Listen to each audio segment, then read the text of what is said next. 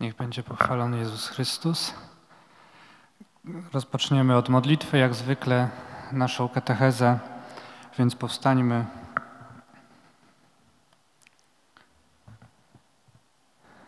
Najświętsze serce Boże, poświęcamy Ci naszą ojczyznę, miasta i wioski, nasze rodziny i nas samych. Serce Boże, przyjdź królestwo Twoje. Najświętsze serce Boże, poświęcamy Ci naszą ojczyznę, miasta i wioski, nasze rodziny i nas samych. Serce Boże, przyjdź królestwo Twoje. Najświętsze serce Boże, poświęcamy Ci naszą ojczyznę, miasta i wioski, nasze rodziny i nas samych. Serce Boże, przyjdź królestwo Twoje.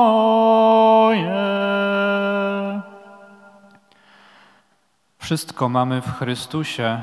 Niech zbliży się do Niego każda dusza, czy chora z powodu grzechów ciała, czy przygwożdżona ziemskimi pragnieniami, czy też jeszcze niedoskonała, ale podążająca drogą doskonałości, dzięki wytrwałej medytacji, czy wreszcie jako dusza już doskonała przez swoje liczne czyny. Wszystko jest w mocy Pana i Chrystus jest dla nas wszystkim. Jeśli chcesz uleczyć ranę, On jest lekarzem. Jeśli płoniesz w gorączce, On jest źródłem. Jeśli opętała Cię nieprawość, On jest sprawiedliwością. Jeśli potrzebujesz pomocy, On jest siłą. Jeśli lękasz się śmierci, On jest życiem. Jeśli pragniesz nieba, On jest drogą. Jeśli uciekasz przed ciemnością, On jest światłem. Jeśli szukasz pożywienia, On jest pokarmem. Skosztujcie i zobaczcie, jak słodki jest Pan, błogosławiony ten, który w Nim pokłada nadzieję. I usiądźcie, drodzy. Rozpoczniemy dzisiaj od fragmentu Pisma Świętego. Mm, ale na początek taki cytat, który będzie nam towarzyszył, jak przy katechezach poprzednich również jakiś cytat towarzyszył, tak dzisiaj e, cytat jest następujący. Każde dziecko przychodzące na świat jest epifanią Boga, jest darem życia, nadziei i miłości ponieważ sama katecheza jest zatytułowana Dziecko jako dar Boga. I ostatnio mówiliśmy też o tym, nawiążę, żeby przypomnieć poprzedni temat, o tym, że człowiek powinien być otwarty na Pana Boga, powinien pragnąć Pana Boga, powinien Go chcieć spotkać w swoim życiu, tak jak e, zeschła ziemia pragnie wody, tak moja dusza pragnie Ciebie Boże. Ten cytat używałem z psalmu, z Księgi Psalmów i to właśnie jest, i też mówiłem o tym, że Bóg się objawia człowiekowi i że o tym mówi katechizm Kościoła katolickiego już od samych pierwszych swoich stron, że Bóg chce, żeby człowiek go poznał. Bóg się objawia. Słowo epifania, które tutaj jest użyte w tym cytacie, to właśnie jest objawienie Boga. I każde dziecko jest objawieniem Boga. Można by powiedzieć, że jest objawieniem stwórczej mocy Boga. E, I w tym sensie ten cytat jest takim nawiązaniem do tej poprzedniej katechezy, że, że to właśnie w dziecku rodzice mogą również spotykać, poznawać Pana Boga i piękno Boga, piękno Jego stwórczej mocy. I na początek y, zajrzyjmy do Księgi Wyjścia, y, przepraszam, do Księgi Rodzaju, do rozdziału 18 i 21, gdzie usłyszymy i możemy przeczytać o tym, że dla Abrahama i Sary Izaak, ich syn, był darem Boga. I to darem, którego wcale się nie spodziewali, bo byli już w podeszłym wieku. Posłuchajcie. Pan ukazał się Abrahamowi pod dębami Mamre, gdy ten siedział u wejścia do namiotu w najgorętszej porze dnia. Abraham, spojrzawszy, dostrzegł trzech ludzi naprzeciw siebie. Ujrzawszy ich, podążył do, od wejścia do namiotu na ich spotkanie, a oddawszy im pokłon do ziemi, rzekł: O Panie, jeśli darzysz mnie życzliwością, racz nie omijać Twego sługi. Przyniosę trochę wody, wy zaś raczcie obmyć sobie nogi, a potem odpocznijcie pod drzewami. Ja zaś pójdę wziąć nieco chleba, abyście się pokrzepili, zanim pójdziecie dalej, skoro przechodzicie koło sługi waszego. A oni mu rzekli, uczyń tak, jak powiedziałeś. Abraham poszedł więc spiesznie do namiotu Sary i rzekł, prędko zaczyń ciasto z trzech miar najczystszej mąki i zrób podpłomyki. Potem Abraham podążył do trzody i wybrawszy tłuste i piękne ciele, dał je słudze, aby ten szybko je przyrządził. Po czym wziąwszy twaróg, mleko i przyrządzone ciele, postawił przed nimi, a gdy oni jedli, stał przed nimi pod drzewem. Zapytali go, gdzie jest twoja żona Sara? Odpowiedział im, w tym oto namiocie. Rzekł mu jeden z nich, o tej porze za rok znów wrócę do ciebie. Twoja zaś żona Sara będzie miała wtedy syna. Sara przysłuchiwała się u wejścia do namiotu, które było tuż za Abrahamem. Abraham i Sara byli w bardzo podeszłym wieku. To też Sara nie miewała przypadłości właściwej kobietom. Uśmiechnęła się więc do siebie i pomyślała: Teraz, gdy przekwitłam, mam doznawać rozkoszy i mąż mój starzec? Pan rzekł do Abrahama: Dlaczego to Sara śmieje się i myśli, czy naprawdę będę mogła rodzić, gdy już się zestarzałam? Czy jest coś, co byłoby niemożliwe dla Pana? Za rok o tej porze wrócę do Ciebie i Sara będzie miała syna. Wtedy Sara zaparła się, mówiąc: Wcale się nie śmiałam, bo ogarnęło ją przerażenie, ale Pan powiedział: Nie, śmiałaś się. Wreszcie Pan okazał Sarze łaskawość, jak to obiecał, i uczynił jej to, co zapowiedział. Sara stała się brzemienną i urodziła sędziwemu Abrahamowi syna w tym właśnie czasie, jaki Bóg wyznaczył. Abraham dał swemu synowi, którego mu Sara urodziła, imię Izaak. Abraham obrzezał Izaaka, gdy ten miał osiem dni jak to Bóg mu przykazał. Abraham miał sto lat, gdy mu się urodził syn jego Izaak. Sara mówiła: Powód do śmiechu dał mi Bóg. Każdy, kto się o tym dowie, śmiać się będzie z mojej przyczyny i dodawała: Któż by się ośmielił rzec Abrahamowi: Sara będzie karmiła piersią dzieci, a jednak urodziłam syna pomimo podeszłego wieku mego męża.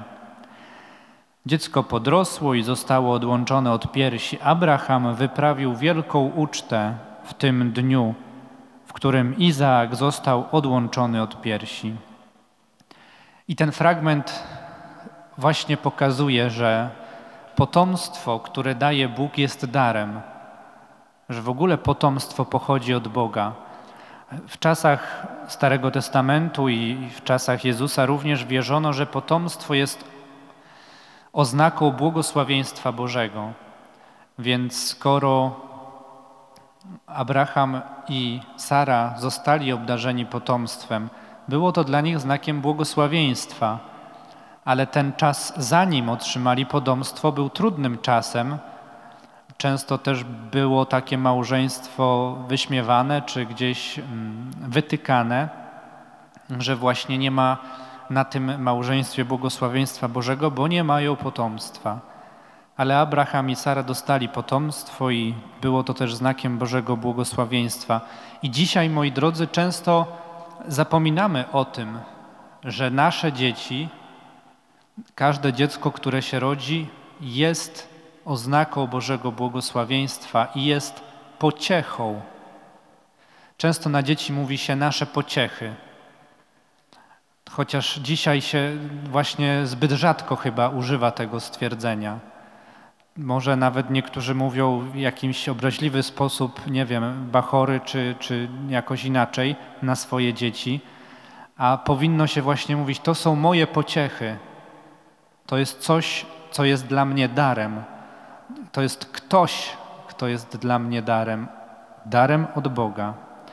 I tę dzisiejszą katechezę, już po tym krótkim wprowadzeniu, chciałbym oprzeć na nauczaniu Jana Pawła II, które w jednym z takich artykułów zebrał ksiądz Jan Zimny. Zatytułował ten artykuł Jan Paweł II i jego troska o dziecko jako dar Boga.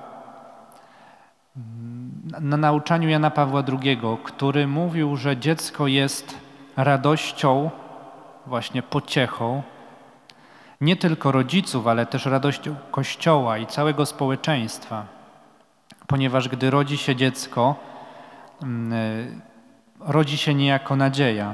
Nadzieja na to, że przetrwa rodzaj ludzki dalej. Ale zanim wejdziemy tak stricte w temat o dziecku, to kilka słów pozwólcie, drodzy. Tutaj jest właśnie to, że papież zachęcał, żeby mm, właśnie pozwólcie o tym, że powiemy to, co jest w nagłówku, wartości w naszym świecie.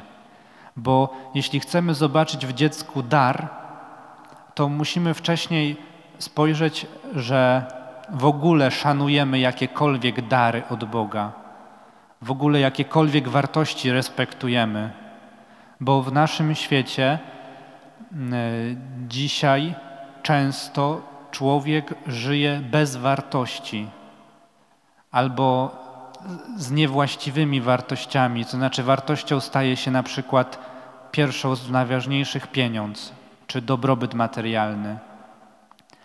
A w nauczaniu papieża Jana Pawła II, świętego, później to zobaczymy, że właśnie ten dobrobyt materialny i życie materialne, fizyczne y, nie powinno, mówi, że papież, że nie powinno być stawiane na pierwszym miejscu.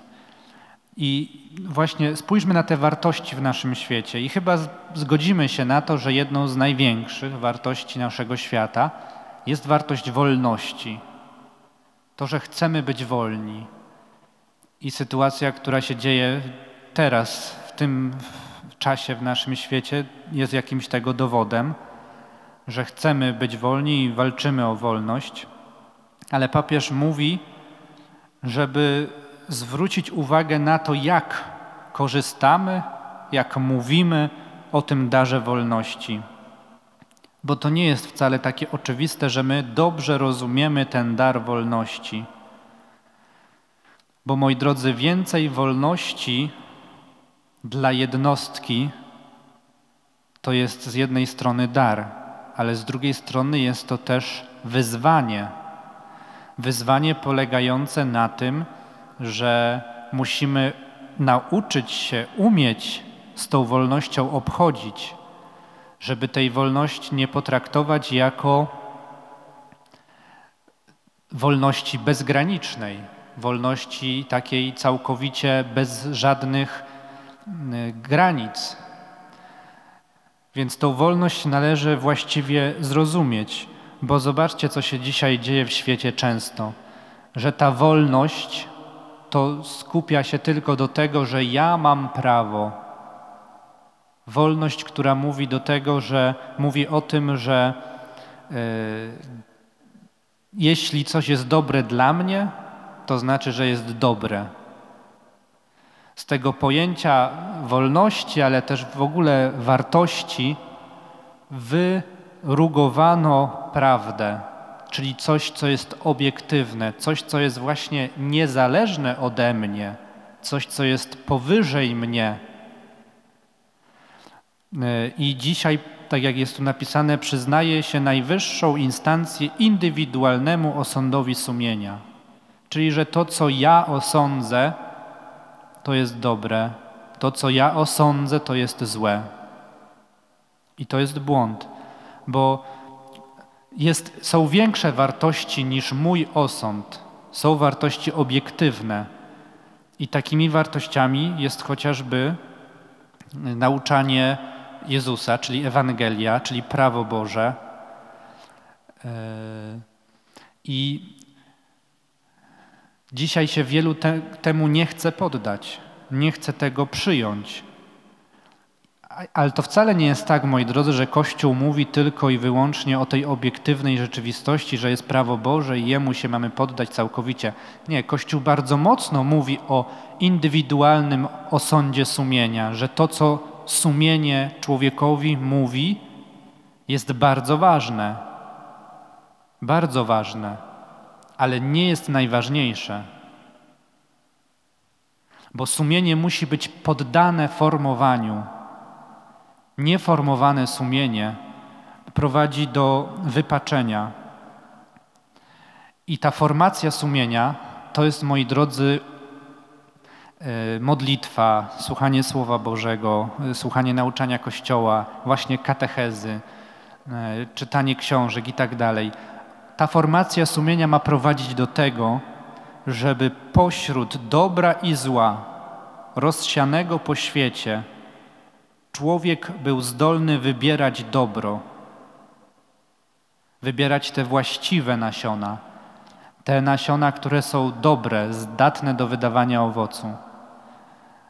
A czasami jest też tak, że jest sytuacja, kiedy trzeba wybierać nie pomiędzy dobrem a dobrem, a, ale pomiędzy złem większym a złem mniejszym.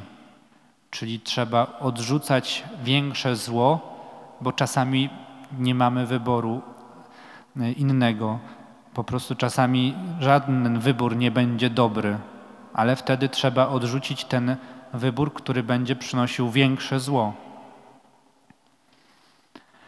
I to jest, to, jest to, to właśnie, co chciałem pod, podkreślić, że nie ja jestem największą wartością na tym świecie, że jest instancja wyższa, że jest instancja wyższa, którą jest Bóg. I mm, papież Jan Paweł II mówi o takich trzech obszarach wartości: materialnych, osobowych i moralnych.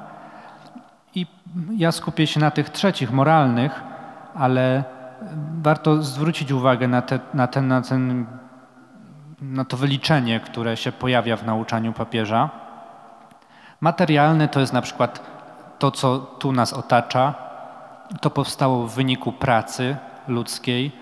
Materialne to są właśnie budynki, pieniądze, mm, też ruchomości, samochody, tego typu rzeczy. To są wartości. Później są wartości, czyli te pierwsze to są takie zewnętrzne, poza mną.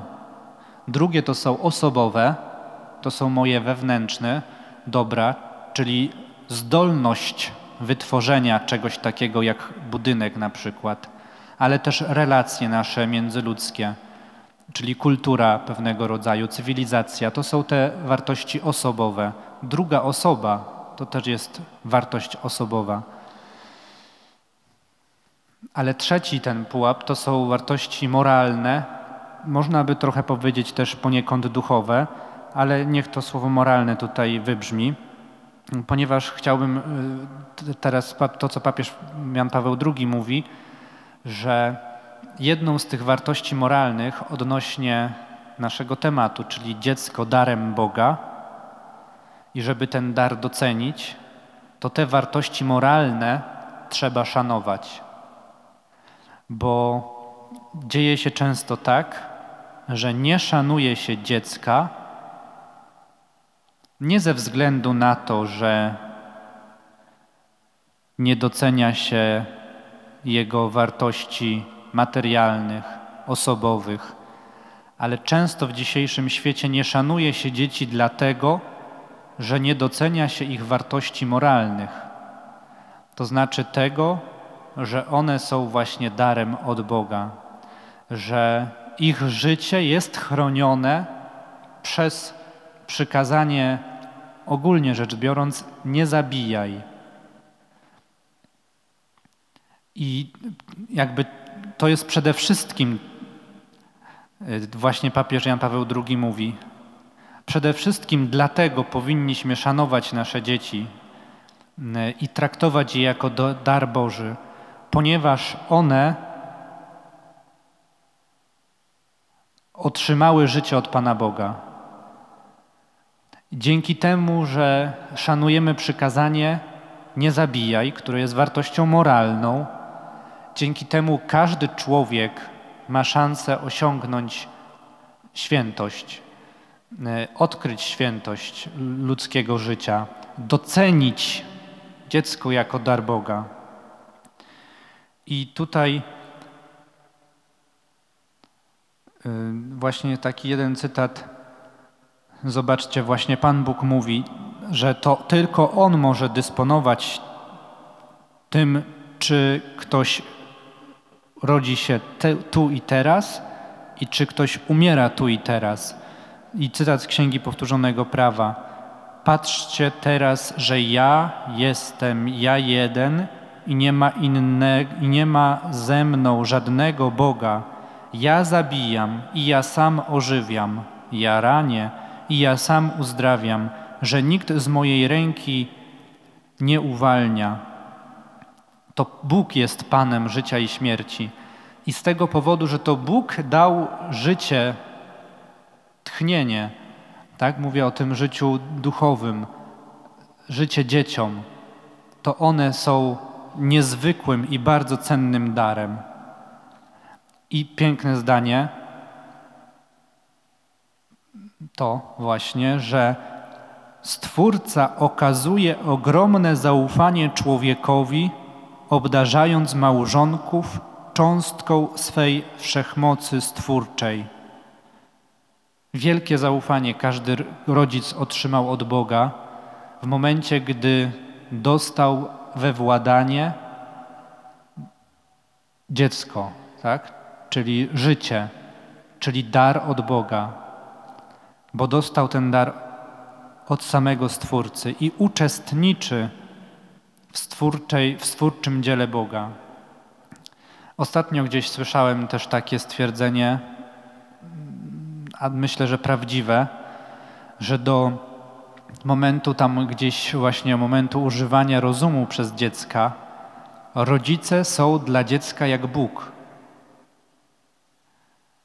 W umyśle dziecka rodzice są dla niego Bogiem. To jest właśnie to zdanie, że Bóg powierza rodzicom i daje wielkie zaufanie, aż do tego stopnia, że pozwala, żeby dziecko przez pewien okres swojego życia w rodzicach widziało Boga. I to ten właśnie moment pierwszych lat życia jest bardzo ważny, bo rodzice kształtują wtedy w dziecku obraz Boga.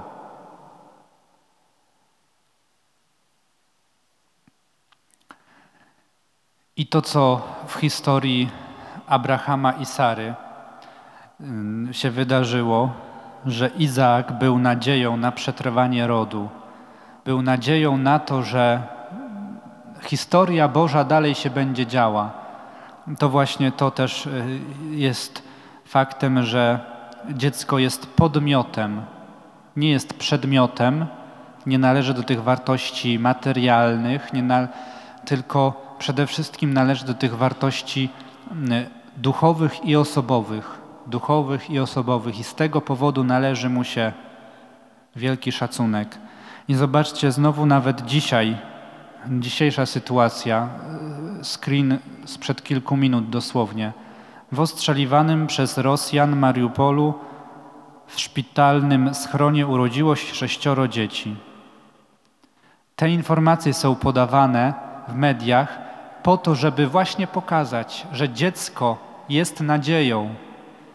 Poniekąd dziecko jest darem. I w tak dramatycznym momencie, zobaczcie, jak to gdzieś głęboko w człowieku jest zakorzenione, ta, ten temat dzisiejszy, że dziecko jest darem Boga, że te informacje są wybierane spośród milionów innych, które się dzieją i, i mogłyby być zaniedbane gdzieś, za, zaśmiecone, a one są w głównych serwisach informacyjnych podawane, że rodzą się dzieci, że przychodzą na świat dzieci, bo dziecko to jest właśnie nadzieja. I dziecko jest wielkim darem od Boga. I chciałbym teraz zwrócić uwagę na kilka praw każdego dziecka jako tego daru, bo żeby ten dar odpowiednio zatroszczyć się o niego, zaopiekować się nim, to trzeba przestrzegać pewnych praw, które ustanowił Pan Bóg. Ciągle mówię przede wszystkim o tym, o dziecku jako darze, wartości pod względem moralnym. Więc dziecko ma prawo do miłości, prawo do szacunku i troski, to Jan Paweł II uczy, i prawo do urodzenia się i wzrastania w prawdziwej, kochającej się rodzinie, która może zapewnić dziecku poczucie bezpieczeństwa emocjonalnego. I ten ostatni punkt jest bardzo istotny, który jest często lekceważony albo z różnych obiektywnych jakichś przyczyn, czy niezależnych przyczyn od rodziców, e, często jest dziecku to prawo odbierane. Na przykład rozwód jest odebraniem takiego prawa. Prawa do wzrastania w kochającej się rodzinie. Ale oprócz tego, że te prawa są i należy je respektować, to też jesteśmy świadkami tego, że te prawa dzisiaj często są wykorzystywane przeciwko dzieciom, przeciwko rodzinie, że są często podmiotem różnych manipulacji. I na przykład takim praktycznym zastosowaniem jak gdyby tej manipulacji, czy emanacją tej manipulacji jest fakt, że rodzice są zastraszani przez dzieci, że jeśli nie dadzą dziecku tego czy tamtego, jakiejś zabawki przypuśćmy, to dziecko zadzwoni na jakąś infolinię i oskarży rodziców o znęcanie się nad nim czy o mm, jakąś agresję, przemoc.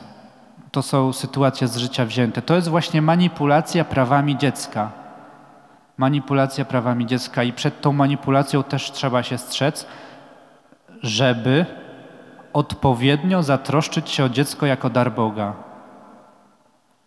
Żeby nie pozwolić zniszczyć tych praw, które dziecko ma. Bo ideologia czy ideolodzy chcą wykorzystać te prawa dziecka dla siebie, nie dla dziecka, dla siebie, dla swojego dobra. I tutaj to jest takie ostrzeżenie.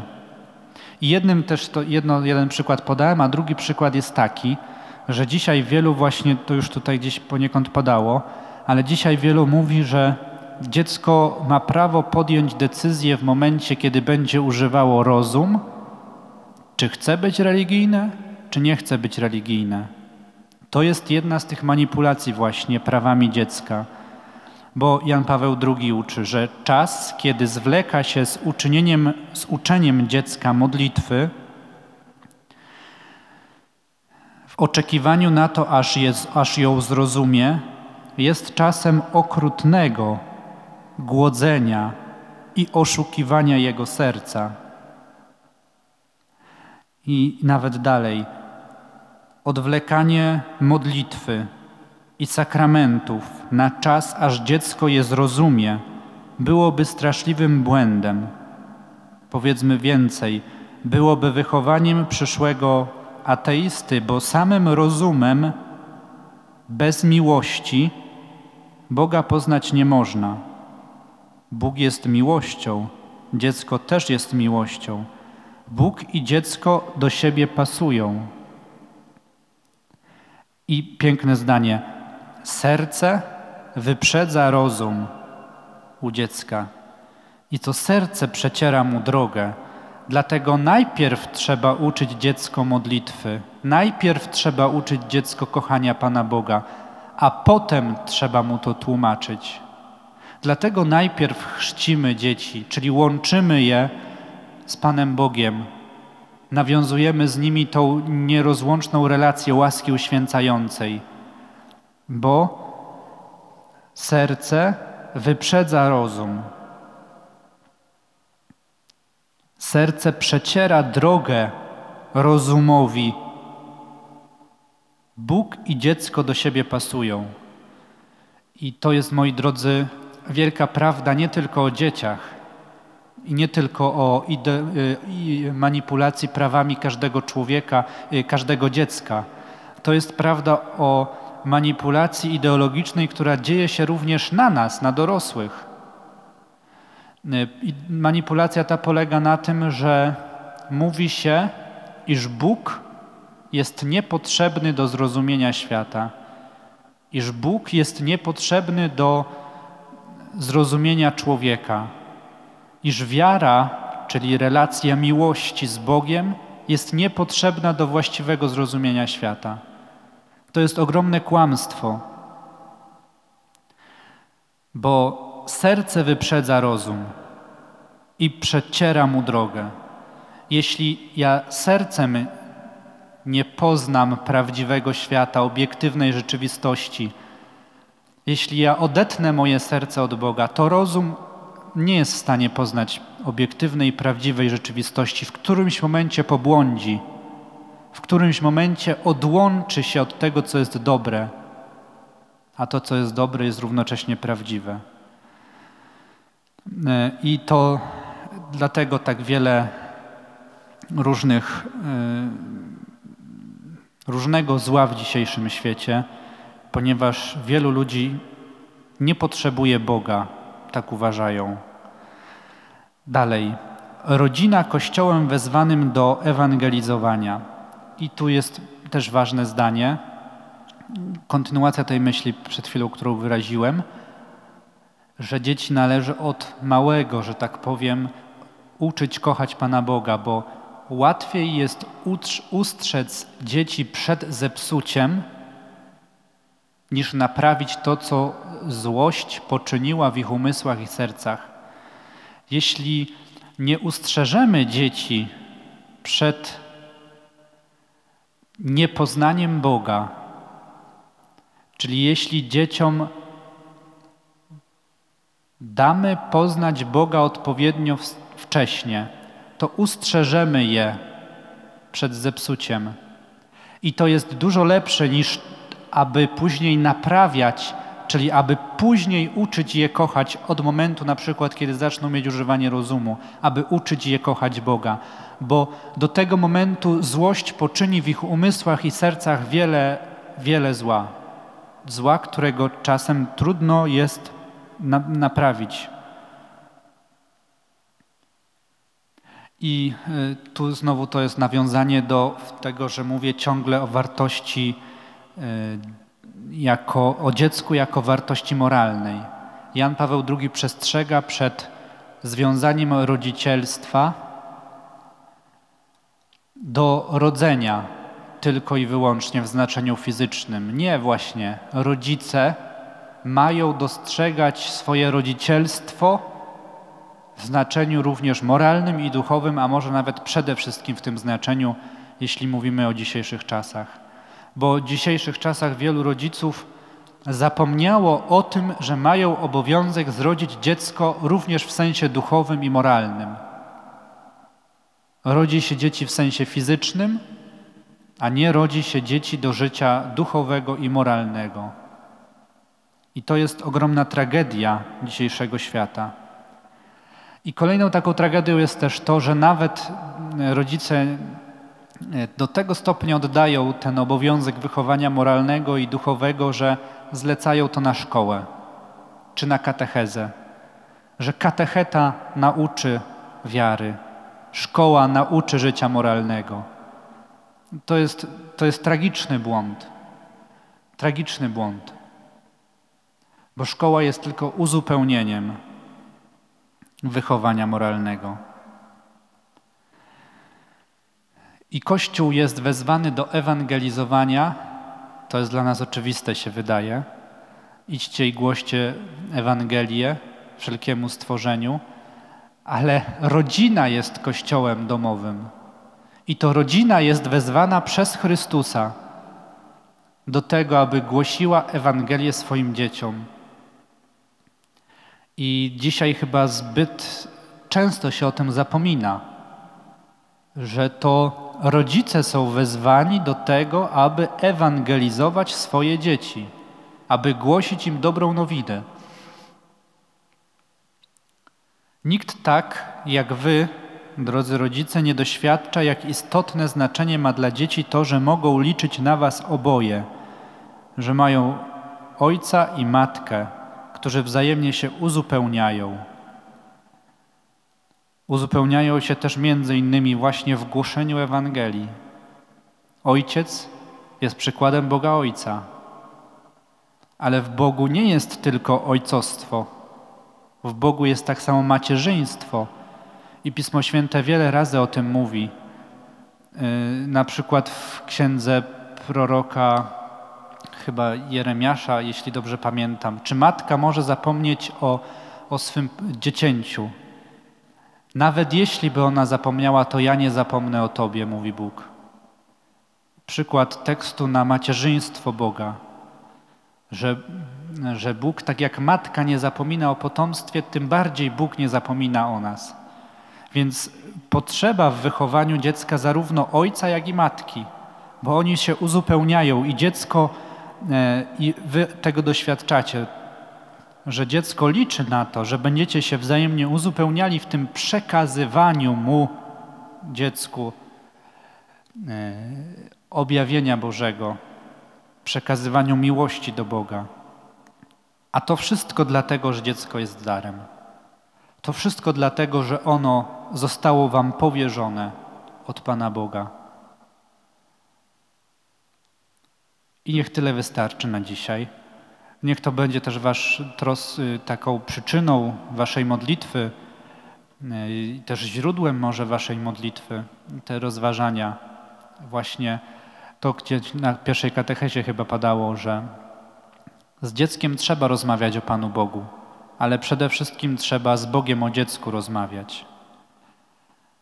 Dobrze, i na zakończenie pomodlimy się. Ja tylko podam termin kolejnej katechezy żebyśmy to mieli jasne.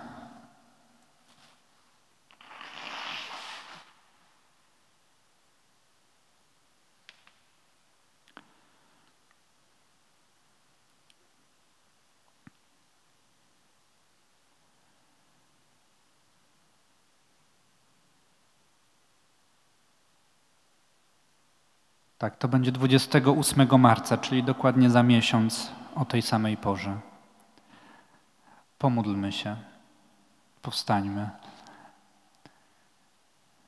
Eucharystyczne serce Jezusa, przymnóż mi wiary i miłości. Eucharystyczne serce Jezusa, gorejące miłością, rozpal serca nasze miłością. Eucharystyczne serce Jezusa, źródło prawdziwej wolności, daj mi prawdziwą wolność od grzechu. Eucharystyczne serce Jezusa, Stworzycielu świata, który trzymasz świat w swej dłoni, nie wypuszczaj nas ze swojej opieki. Eucharystyczne serce Jezusa, boski lekarzu, któryś poniósł śmierci na krzyżu, ulecz nasze rany grzechowe. Eucharystyczne serce Jezusa, spraw, aby przez pamięć o Twojej gorzkiej męce dana mi była szczera skrucha i odpuszczenie grzechów. Eucharystyczne serce Jezusa, okaż się miłosiernym w godzinę mej śmierci. Eucharystyczne serce Jezusa, zwier- zwierciadło światła wiecznego, pozwól nam oglądać Cię w wieczności. Eucharystyczne serce Jezusa, zgaś we mnie całkowicie pożądliwość ciała i żar światowych rządz. Eucharystyczne serce Jezusa, dobroci serc przez cenną krew, przybądź w godzinę śmierci. Eucharystyczne serce Jezusa, wierzę Tobie. Eucharystyczne serce Jezusa, wierzę Tobie. Eucharystyczne serce Jezusa, wierzę Tobie. O Maryjo, pierwsze tabernakulum Jezusa na ziemi i pierwsza Jego czcicielko, daj nam, prosimy, te uczucia czci i miłości, jakie śmiała dla Jezusa dziecięcia, Jezusa młodzieńca, Jezusa nauczyciela, Jezusa cierpiącego i Jezusa zmartwychwstałego, abyśmy je przelali na Jezusa w najświętszym sakramencie utajonego. Maryjo, wyjednaj nam ciągły wzrost naszej miłości i wiary. O Najświętsza Panno od Przenajświętszego Sakramentu, wejrzyj na nieszczęśliwych, którzy z powodu braku wiary lub pragnienia ziemskich rozkoszy odsunęli się od stołu Pańskiego. Wróć ich do Niego. Niechaj pożywają chleb żywota, po którym już niczego łaknąć nie będą. Przekonaj ich, że szczera miłość Jezusa w hostii zastąpi rozkosze ziemi. Amen. Pan z wami. Niech was błogosławi Bóg Wszechmogący, Ojciec i Syn i Duch Święty. Idźcie w pokoju Chrystusa. Dziękuję bardzo i do zobaczenia, mam nadzieję, w marcu.